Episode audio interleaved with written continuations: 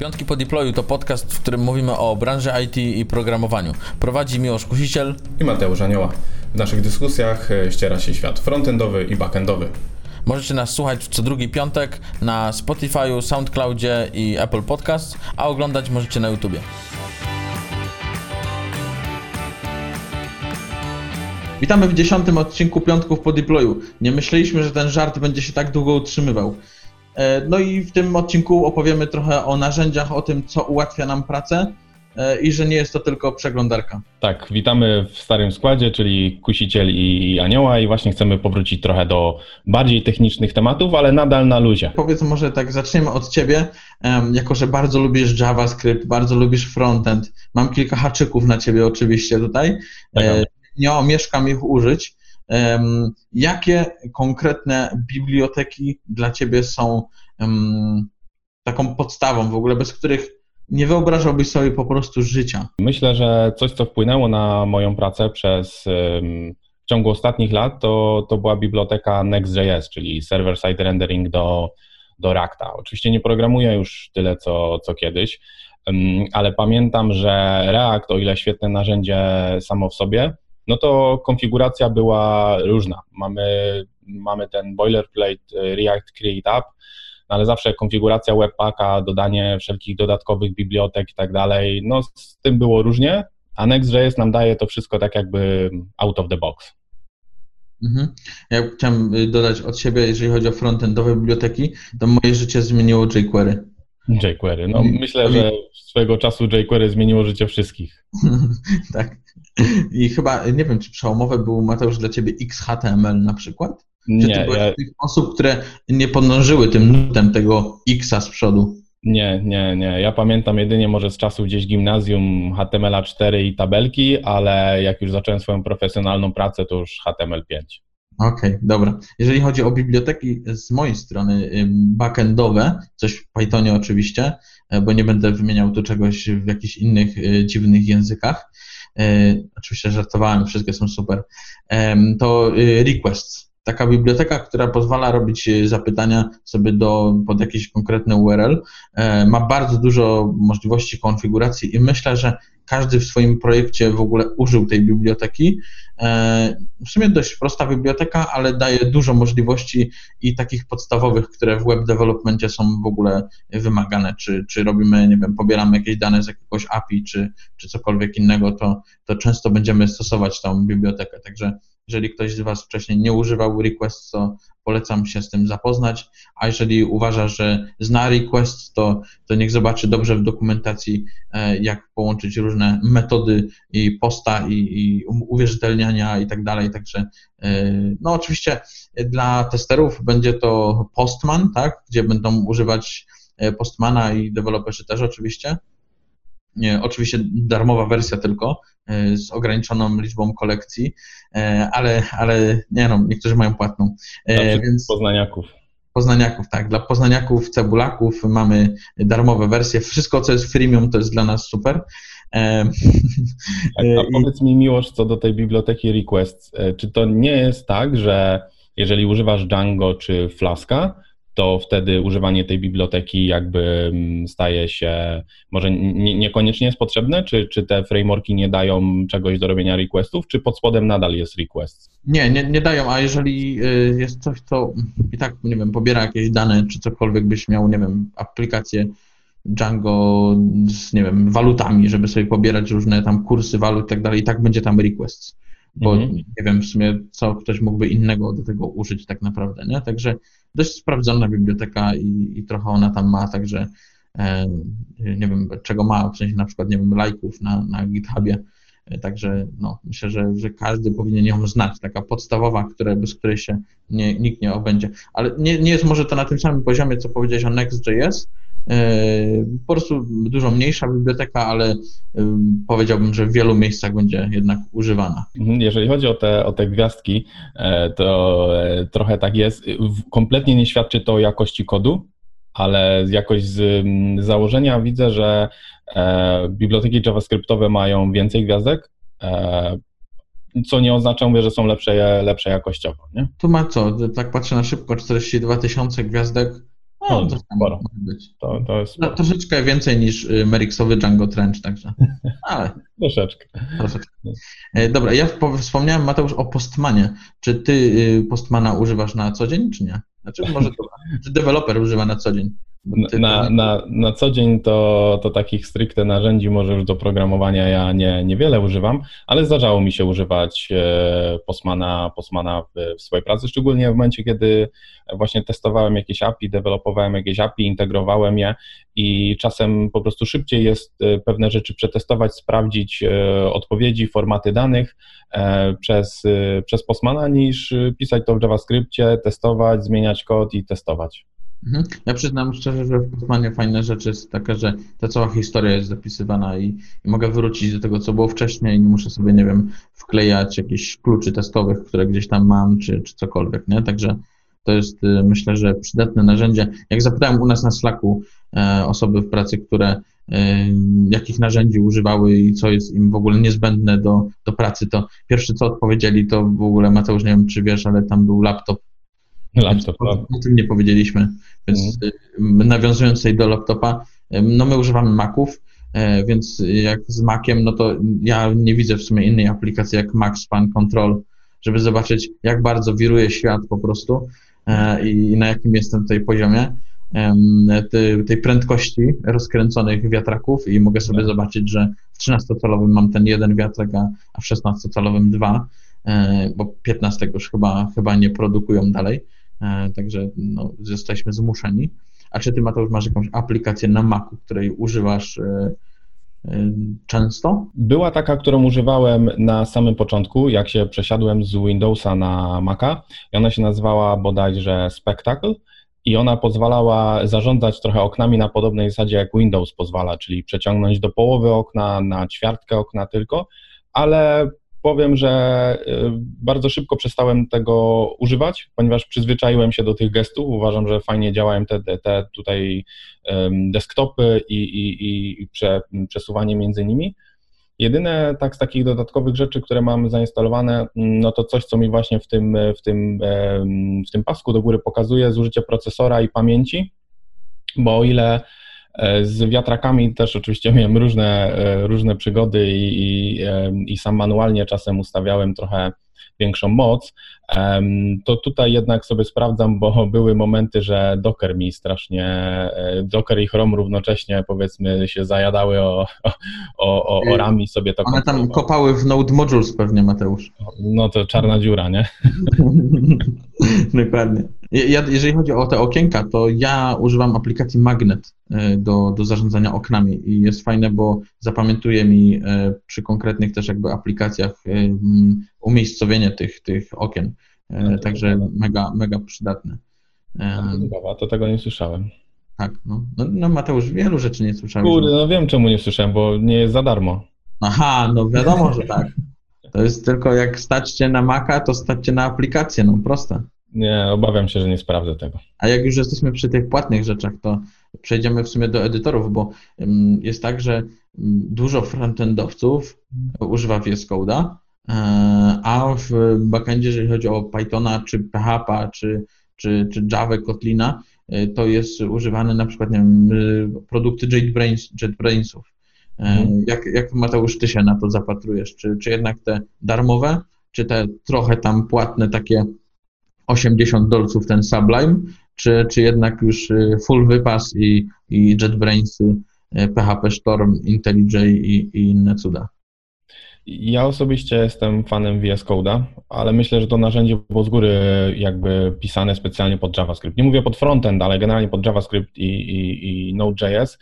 I jak mam projekty, w których mam e, równocześnie otwarte e, repozytorium backendowe i frontendowe, to generalnie nie dziwi mnie, dlaczego jednak backendowcy wolą pracować na, powiedzmy, na PyCharmie, jeżeli chodzi o Pythona, bo ustawienie pewnych konfiguracji, jakby tych wszystkich linterów y, nie jest takie, nie jest takie, wyobrażam sobie, że nie jest takie fajne jak, jak w PyCharmie, ale do JavaScriptu generalnie z tego serca mogę polecić. Czyli możemy w sumie powiedzieć, że jeżeli chodzi o frontendowców, to oni nie potrzebują takiego IDE konkretne, które jest, a, a tylko po prostu edytor. Czyli w sumie taka dobra, budżetowa, poznańska firma mogłaby lecieć na VS Code i, i ewentualnie Notepad++ i tyle, chociaż nie wiem, czy on nie jest płatny. Mm, jakby już VS Code, e, jeżeli też używasz TypeScripta, to ma bardzo fajne podpowiedzi i fajnie już podpowiada, czy importy, czy, czy jakie argumenty, zwrotki, zwrotki powinny być, więc generalnie naprawdę. A to jakoś działa, działa w ogóle z Dockerem, czy nie? No właśnie, to, to, to jest ten temat. Ja muszę przyznać, że mm, próbowałem rok temu gdzieś bodajże ustawić, żeby VS Code brał mi interpreter Pythona z Dockera, a nie z lokalnego środowiska i podobno się dało, mi się nie udało tego ustawić, ale dosłownie wczoraj, zupełnie mm, przypadkiem, przeglądając sobie taki blog, bodajże się nazywa testdriven.io, um, wyszedł tam artykuł o tym, jak w VS Code ustawić interpreter Pythona z Dockera, tam jakaś dodatkowa paczka była potrzebna i z tego, co widzę, da się to ustawić, więc generalnie przy następnej okazji chętnie sprawdzę i zobaczę, co, co, czy to działa, bo jest to rzeczywiście rzecz, której mi brakowało w VS Code podczas pracy z Pythonem. Czy Mateusz, ta paczka zawiera paczkę w JavaScriptie, która jest niezbędna deweloperom isOD, która sprawdza, czy coś jest liczbą nieparzystą, która ta paczka ma jeszcze zależności od innych paczek? Nie, bo ta paczka jest Pythonowa, a to, co opisałeś, jest stricte przypadkiem JavaScriptowym. Okej, okej. Okay. Ale to pewnie, pewnie jest dużo takich. E, mm, aha, is, is a week chyba też jest taka. E, is a weekday e, chyba jest tak. taka paczka też, nie?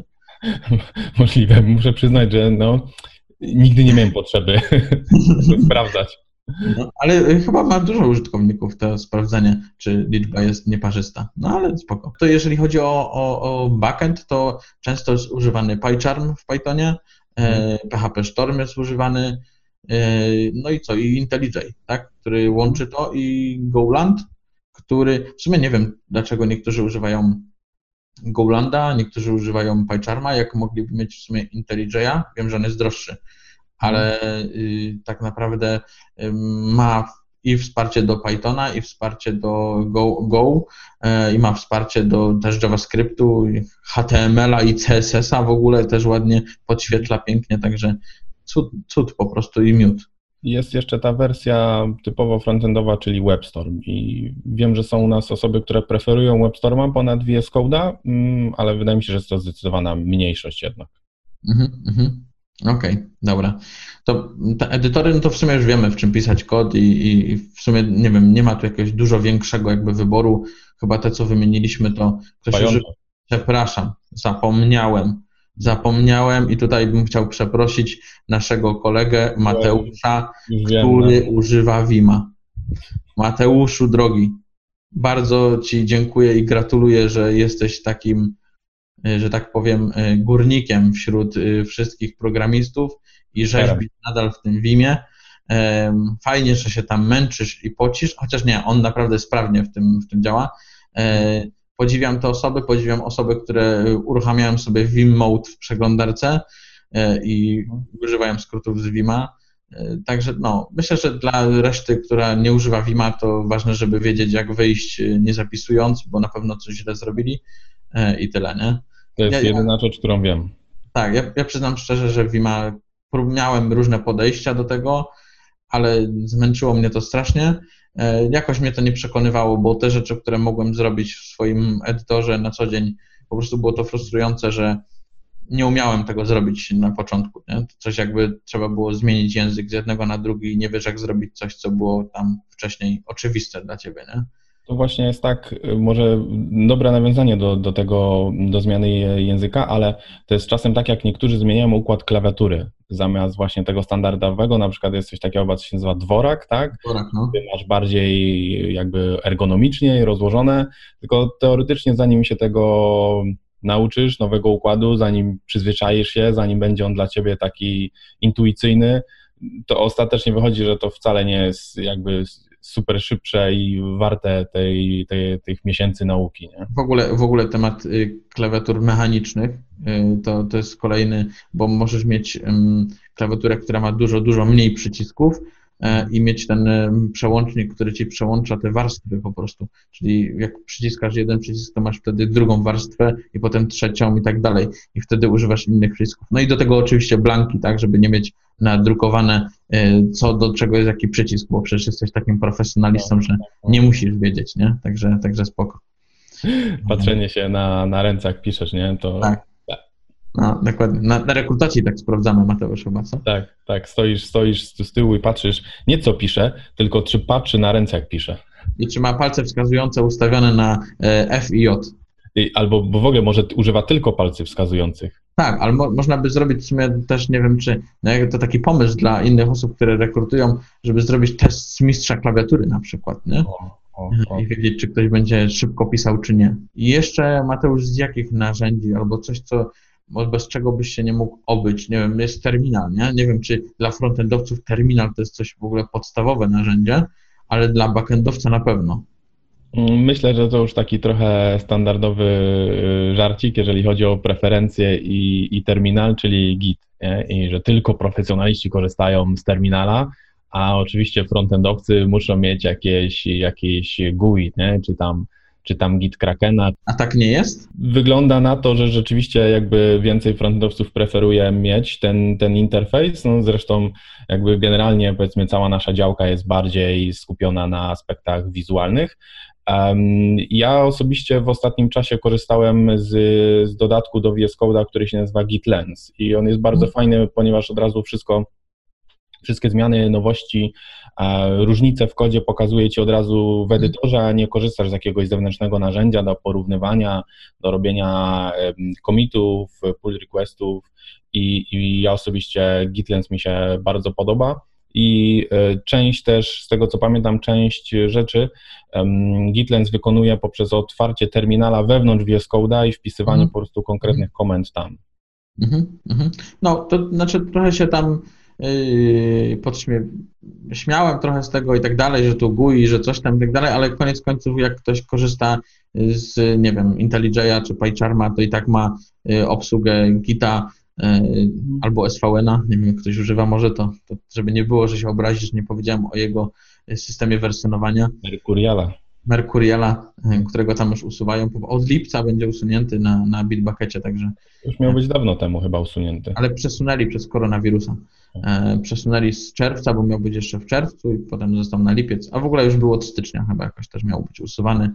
E, nie, sorry, od stycznia nie można było tworzyć nowych repozytoriów, które są na, na Mercurialu. Jeżeli chodzi o terminal, to ja na przykład używam iTerma dwójki na, na Macu. E, nie wiem, Mateusz, czy ty też preferujesz takie rozwiązania? Tak, mam też iTerma i, i ZSH, dokładnie ten cały zestaw OMA i ZSH zainstalowany. Mhm, mhm, mhm, dokładnie tak. I tak, żebyś mógł później wpisać złą komendę e, i użyć biblioteki defact, tak? Defact, tak, tak, tak. To jest, to jest w ogóle, um, muszę przyznać, że nie wiem, czy nigdy, czy, czy kiedykolwiek to jakoś praktycznie użyłem, ale sama idea bardzo mi się podoba, że robisz literówkę w nazwie komendy, potem wpisujesz fuck i on ci poprawia i uramia tą właściwą.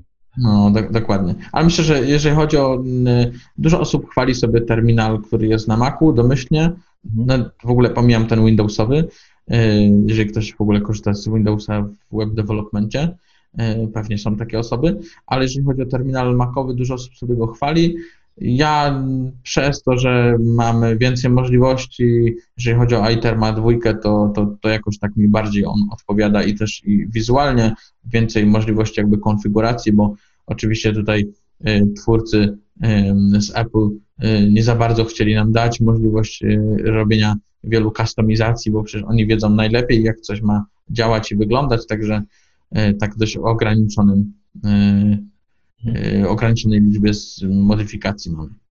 No jest jedna taka, taka biblioteka, jeszcze jak mówimy o terminalu, taki, taki dodatek, e, który w ogóle byłem przekonany, że jest częścią właśnie tej, tej całej paczki OMI ZSH i w momencie, kiedy musiałem przeinstalować cały system, to się bardzo zdziwiłem, że jej nie ma i chwilę mi zajęło, aż ją, aż ją znalazłem i ta biblioteka się nazywa FZF, czyli e, Fuzzy Finder. I mhm to daje, to, to jest takie powiedzmy bardziej rozbudowane narzędzia szukania komend wstecz w historii, bo to domyślnie pokazuje tylko jakąś tam bodajże jedną komendę bodajże, która najlepiej y, wpasowuje się w daną frazę, a to daje nam całą listę i możemy sobie przeszukiwać. I muszę przyznać, że dla mnie, y, gdzie ja pewnych komend używałem bardzo rzadko, no teraz też już coraz, y, coraz rzadziej i nie pamiętam z głowy, jakby jakie tam wchodziły parametry, jakich tam się flag używało, to to jest świetne narzędzie w momencie, kiedy pamiętam kilka słów z tej komendy, a nie pamiętam właśnie tych dokładnych parametrów i mogę sobie to wyszukać. To, to jest podobne do Ctrl R, jak wciskasz po prostu, żeby przejść historię i on przeszukuje po prostu tam basz historii, który chyba jest y, zapisywany, nie? Nie wiem, czy tu jeszcze coś więcej jakby listuje i tak dalej, ale, ale pewnie, pewnie, pewnie coś tam jest więcej rozbudowane w tym. Wspomniałeś wcześniej w ogóle o Dockerze. Czy z tak. tego Dockera po froncie też się korzysta, czy się nie korzysta?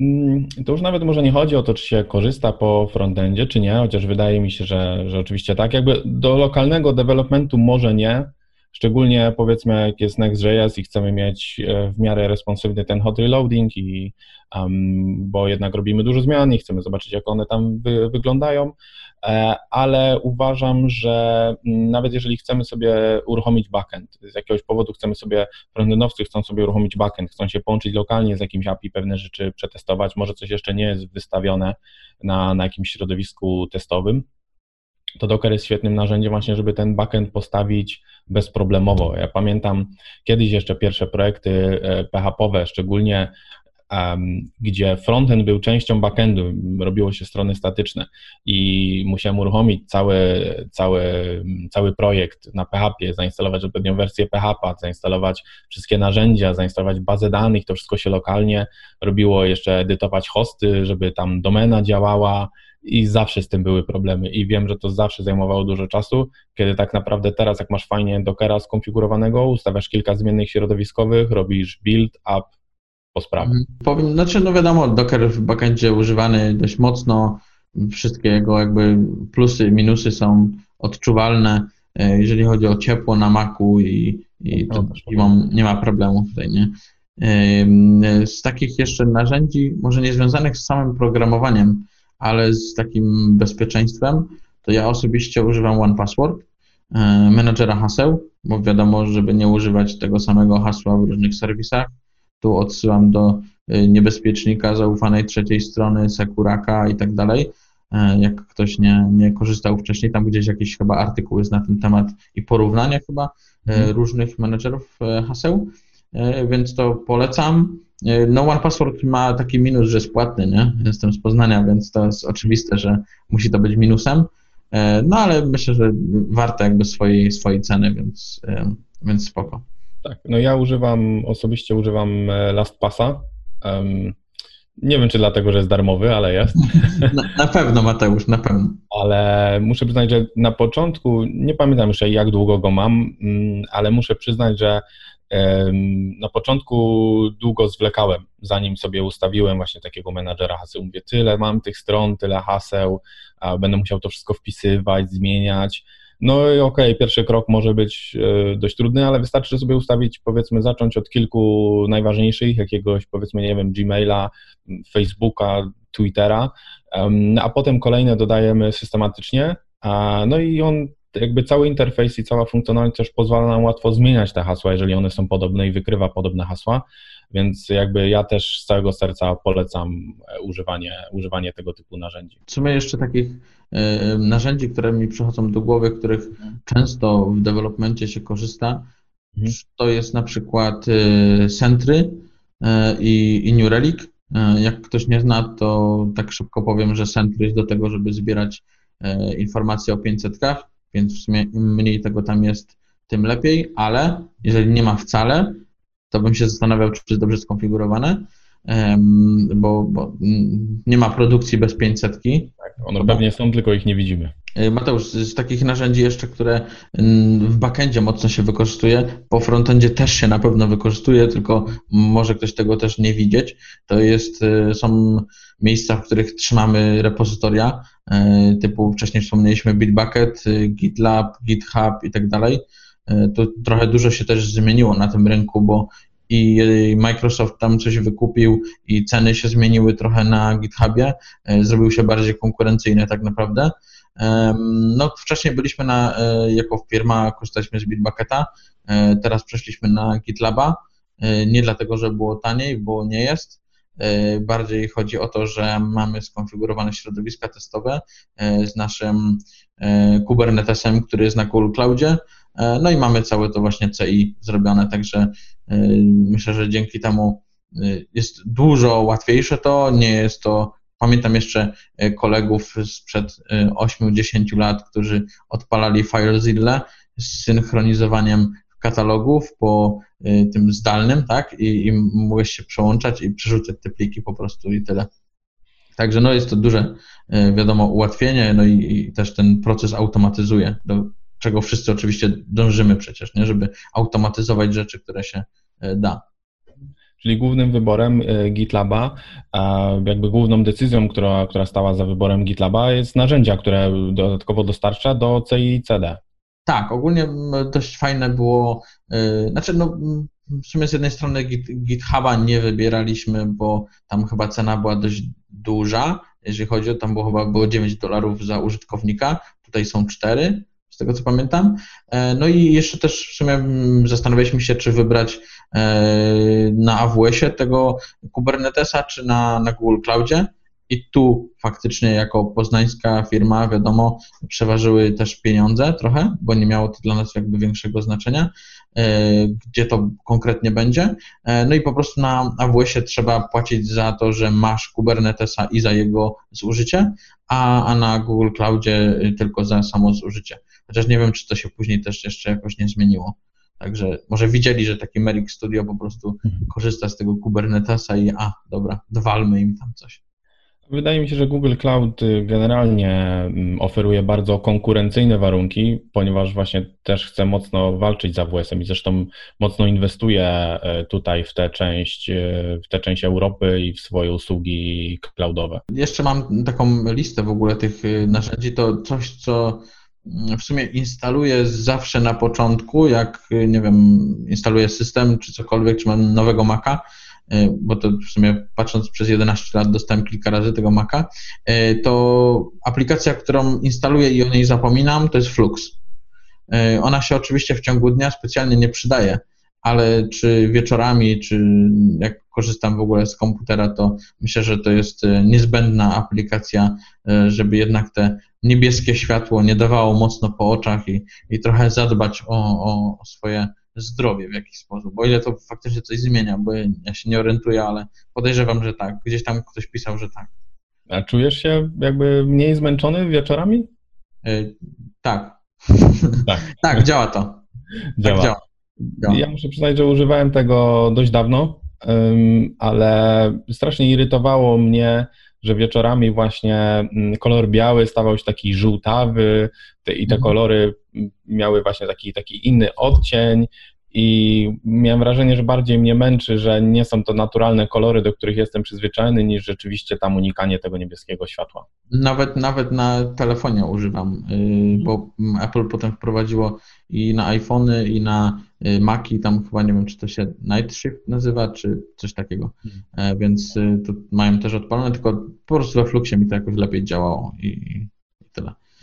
Także, także spoko. Czy ty, Mateusz, masz coś jeszcze e, do dodania z tych narzędzi, takich, które według ciebie są niezbędne? No oczywiście, no, nie byłbym sobą, gdybym nie powiedział, że console log oczywiście musi być, nie?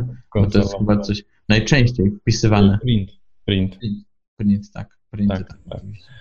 Nie, myślę, że przeszliśmy przez te przynajmniej powiedzmy, które, mm, których używamy, z których jestem zadowolony. Nie mówię z tych, których używamy albo musimy i nie do końca jestem zadowolony. E, to myślę, że przez takie, przez takie ważniejsze z nich sobie przeszliśmy. A jest jeszcze jedno bardzo ważne narzędzie teraz na sam koniec. Przecież e, wszystko się wysyła Emacsem przez SendMaila. No, tak proszę. jest. Dokładnie, dokładnie. Ale jeszcze jedna rzecz, o której nie wspomnieliśmy w sumie, a powinniśmy, to jest to, że mm, już niedługo, a to 25 czerwca będzie PyDay, e, czyli nasze wydarzenie dotyczące Pythona. E, pierwsza będzie to edycja online, chociaż wszystkie poprzednie były też streamowane na Facebooka. Więc jeżeli chcecie posłuchać o tym, co powie osoba od nas i jedna osoba z NetGuru, z tego co pamiętam, e, to Dawid Woźniak u nas opowie o Django i CQRS-ie. Em, Wiem, że niektórzy mogą powiedzieć, że CQRS to nie za bardzo do Django, ale myślę, że Dawid wyjaśni, jak to można faktycznie połączyć i wiem, że jakieś case study do tego nawet tam będzie przygotowane.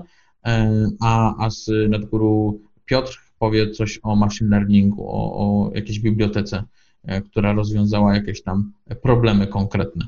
E, Także zapraszamy serdecznie 25 e, czerwca. E, Można się zapisywać na Facebooku, jak wpiszecie PAI, podkreśnik tej. Tej oczywiście to jest wiadomo, bo to poznańskie, to musi być podkreślone tutaj, więc e, zapraszamy serdecznie. Oczywiście jest to darmowe, jesteśmy z Poznania. Normalnie na co dzień e, rozdawalibyśmy piwo e, i chleb ze smalcem i humusem, no ale wiadomo, e, pandemia, koronawirus i, i te wszystkie cuda, także musimy być e, zdalnie na ten moment. Dziękuję bardzo, że przesłuchaliście. Mam nadzieję, że y, podobało Wam się. Jeżeli macie jakieś sugestie kolejnych tematów, to możecie to zrobić na kilka sposobów. Napisać na YouTubie w komentarzach. Możecie dołączyć do naszej grupy na Facebooku, Piątki po deployu e, i tam napisać, że na przykład y, jesteście wielkimi zwolennikami Vima i pomożecie nam, e, jak się go szybko nauczyć. Tak, wiem, znam Vim Tutor i można się w nim szybko nauczyć. E, Więc zapraszamy do komentowania i, i lajkowania, obserwowania, e, bo wtedy Mateusz e, po prostu przychodzi szczęśliwy do pracy i, i ja też. Tak jest. Dzięki, cześć, trzymajcie się. Dzięki, hej, elo.